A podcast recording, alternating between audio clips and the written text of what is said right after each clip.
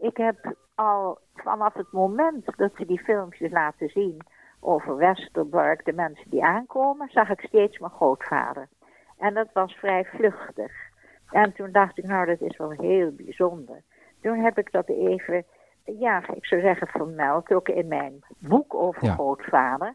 En ik dacht steeds, hoe kom ik nou aan een filmpje? Hoe kom ik nou aan dat fragment? Hier is Hanengekraai door Luc Drosten met Elisabeth Bierens de Haan.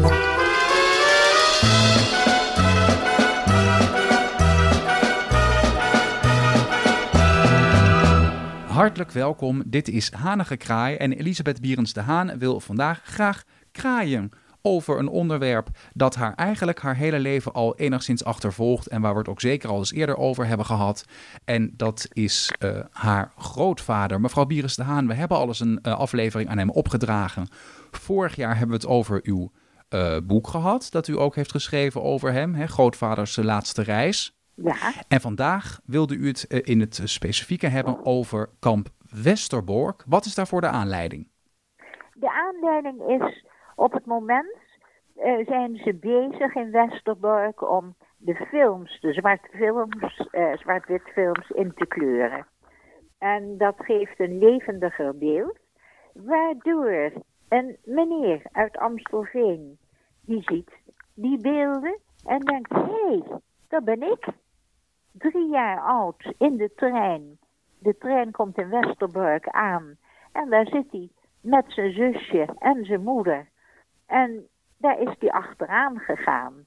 En toen hebben ze dat beeld hebben ze bekeken. En inderdaad, en naar aanleiding van al zijn gegevens, blijkt het dat deze meneer het kleine jongetje was in die trein. En die trein die stopt in Westerbork. En zij gingen met een andere trein, wat ik begreep, naar Dachau. En dat heeft hij overleefd. Nou, en het wonderlijke is nog dat ik natuurlijk, ik heb gekeken en dan zie ik opeens mijn grootvader.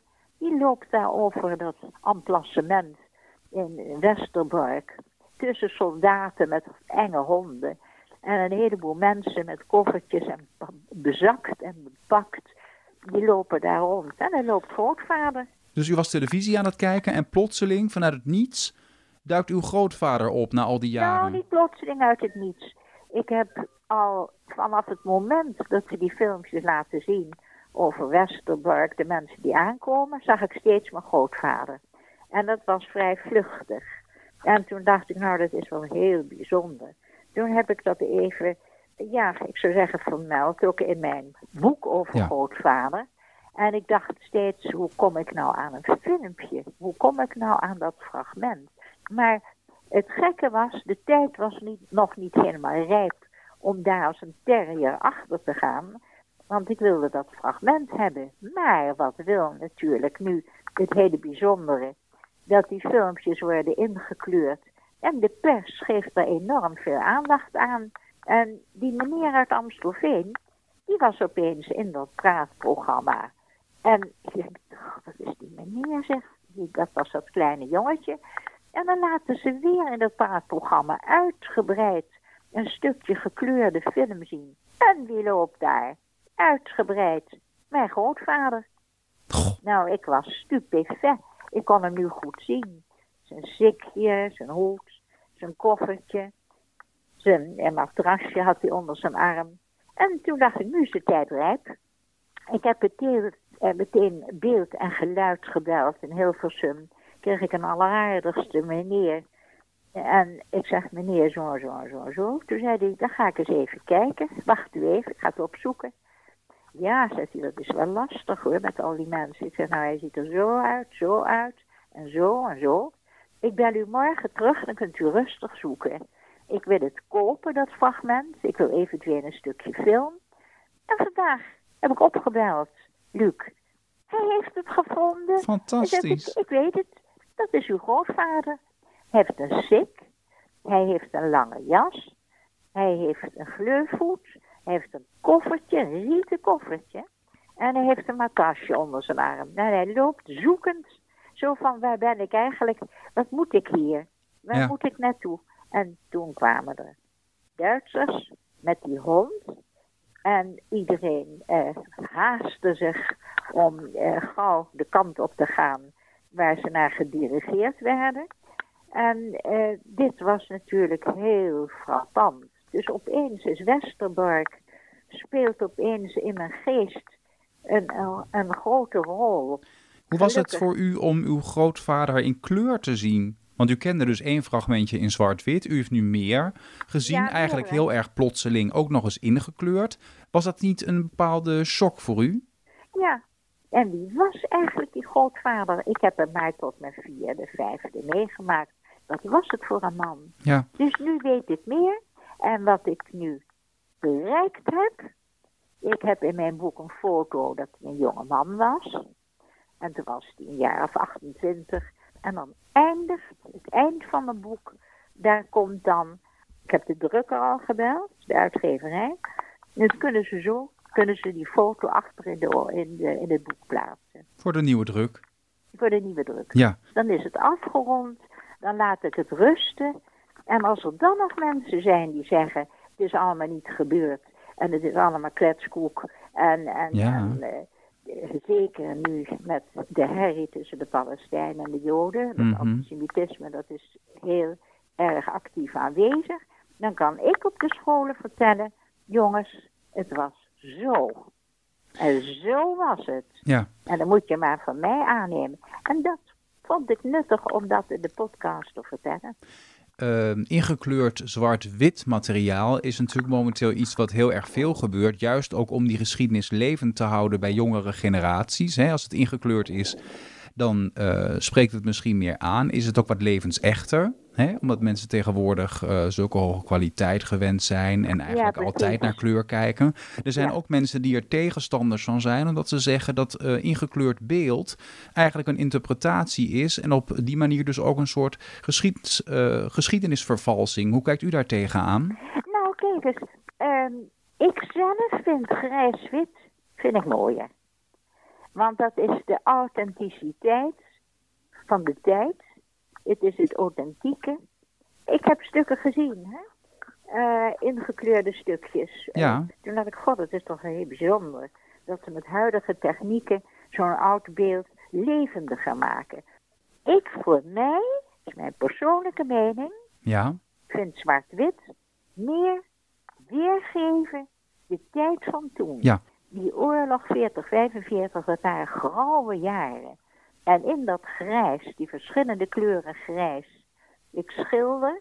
En die grijze kleuren, die hebben iets indringends. En dan ga je een hesje blauw maken, een broek bruin en, de schoenen. Je gaat het allemaal. Het is prachtig gedaan. maar het is een demystificatie.